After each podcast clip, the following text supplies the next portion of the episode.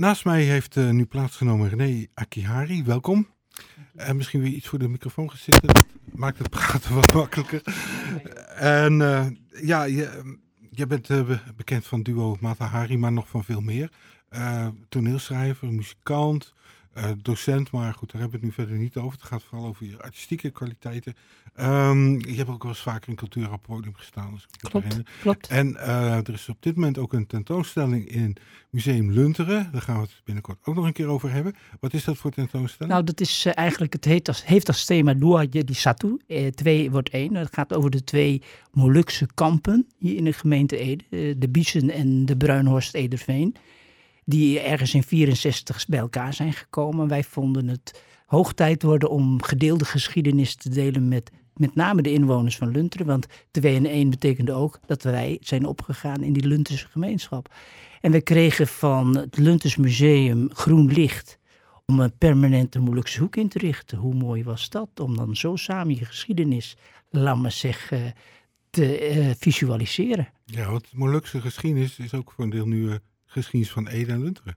Absoluut. Uh, in al die jaren dat ik zelf als docent voor de klas heb gestaan, heb ik ontdekt dat geschiedenis over de Molukkers, over de uh, in, uh, Indo-Europeanen, staat geen letter van in, in, in de geschiedenisboeken. Nou, en het is toch gedeelde geschiedenis van Nederland. Ja. Nou ja, de laatste tijd gebeurt wel iets. Ik heb ooit Jan Thomas Soa geïnterviewd ja. met zijn boeken. Ja. Dus uh, de, er komt wel steeds meer aandacht voor uh, de geschiedenis. Van... Gelukkig wel. Ja. Hè? En met name de, uh, het leed, hè? dus de kwetsbaarheid. Als je die laat zien, dan gaan mensen ook begrijpen um, dat het ergens is begonnen. Want wij praten natuurlijk altijd over politieke statements, maar die zijn helemaal niet belangrijk. Nee. Het gaat veel meer om de mens die erachter zit. Ik, heb twee opa's en twee oma's die in 51 hier aankwamen. Die zijn allebei hier overleden, hebben nooit meer een, een, een, een land, een familie mogen zien. En die hebben geen goed leven gehad. Ja. Uh, we gaan het nu hebben over de uh, voorstelling Mijn Indische Familie, aanstaande maandag in Ja. Cultura. Die doe je samen met je dochter. Klopt. Je komt trouwens uit een heel artistieke familie, want je bent ook een broer van Monica Akihari, Ja. die ik ook goed ken. die heb ik ook verschillende keer geïnterviewd. Een fantastische muziek maakt ze. Ja. Eh, eh, ook internationaal trouwens, maar goed. Ehm, dat gezelschap Matahari, samen met je dochter.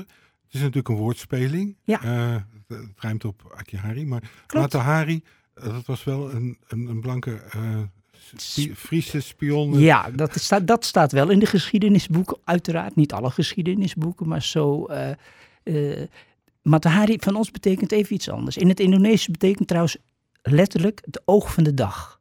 Mata is oog, Hari is dag. Maar wij, ik heb Matahari gekozen met een hoofdletter M, een, Griek, een hoofdletter H en een Griekse I. Dat is namelijk de Matta van Matakena, dat is mijn moeder. eh, die alles bepalend is voor mijn leven. En Ha- Hari is van Akihari, mijn vader, die het hele proces heeft bewaakt en vorm heeft gegeven. Oké.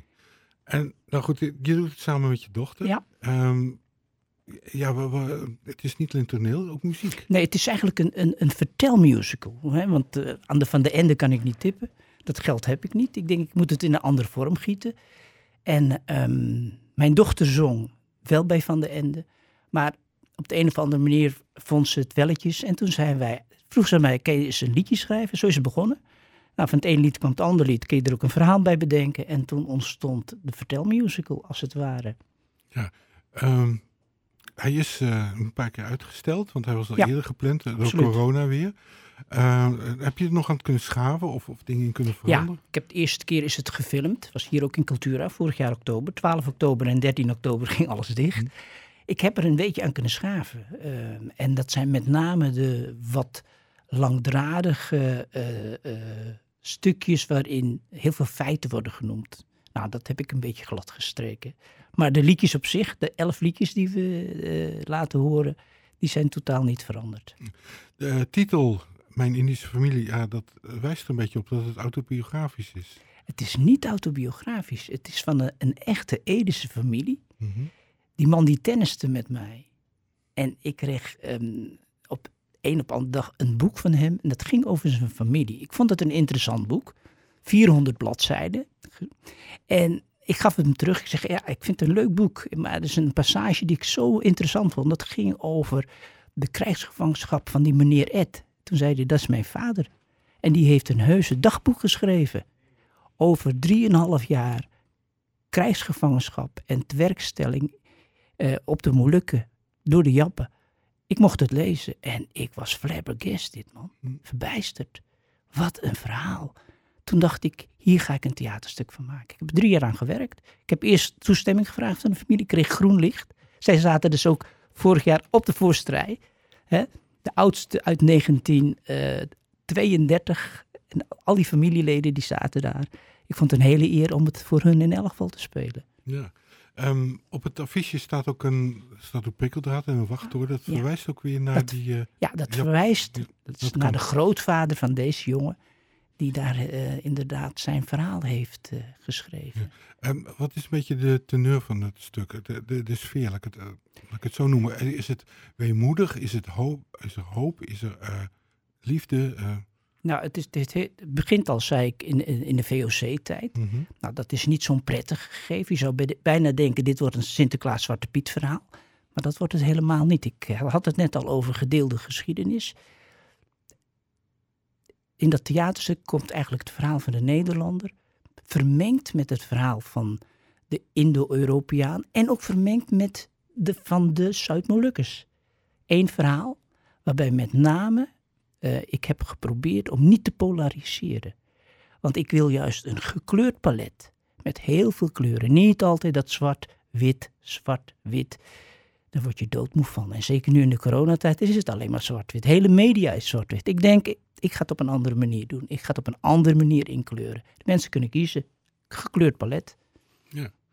Nou, ik ben heel benieuwd naar de voorstelling. En, uh, maar dan zijn we er nog niet, want uh, komende maand oktober is de maand van de geschiedenis. En in Gelderland hebben ze ook een heel programma. Is trouwens op uh, de website te vinden. Ook op, trouwens op Klopt. de website van uh, Xon. En ehm, een van de onderdelen van de Gelderse Maand van de Geschiedenis, is de Indische Salon uit Indonesië. Werken aan een toekomst in de gemeente Ede. En uh, daar heb je ook iets mee te maken. Kun je ja. iets over vertellen? Ja, dat, kan... 25 oktober is het. Dus 25 oktober. Nou, het is eigenlijk ontstaan uit um, um, wat 15 augustus hier in Ede heeft plaatsgevonden. Namelijk het Indië-monument is door uh, burgemeester René uh, Verhulst onthuld. En daar mocht ik aan deelnemen uh, in de, eigenlijk de tweede fase. En de tweede fase houdt dit in. Een monument is leuk, is fantastisch, moet ik eigenlijk zeggen. Alleen, hoe ga je daar inhoud aan geven? Hoe ga je, uh, in dit geval Edenaar in eerste instantie, maar we willen die inktvlek veel groter maken. Hoe kunnen we mensen bereiken om het verhaal van het monument, om dat inhoud te geven? En toen werd bedacht, we gaan een paar keer per jaar hier in Cultura onder uh, de naam Indische Salon gaan we dat inhoud geven. We gaan oude mensen vragen om hun verhalen te vertellen. We gaan muzikanten vragen, schrijvers, enzovoorts, enzovoorts, enzovoorts. Ja, nou, we kijken er naar uit. Uh, René Akjari, ik wens je veel succes uh, komende maandag met de voorstelling. En ook in oktober. En ja, je zal wel uh, nog heel veel meer in de pen hebben zitten. Ik denk het wel, dank je. Dat komt allemaal goed. En je hebt muziek meegenomen en dat ja. mag je zelf aankondigen. Nou, dit is, komt uit het theaterstuk. Um, een vreselijk moment, want um, uh, grootvader Ed um, moet vechten tegen de Jappen en zijn vijf kinderen en zijn vrouw moeten naar Java vluchten. Dit is een hartverscheurende afscheid.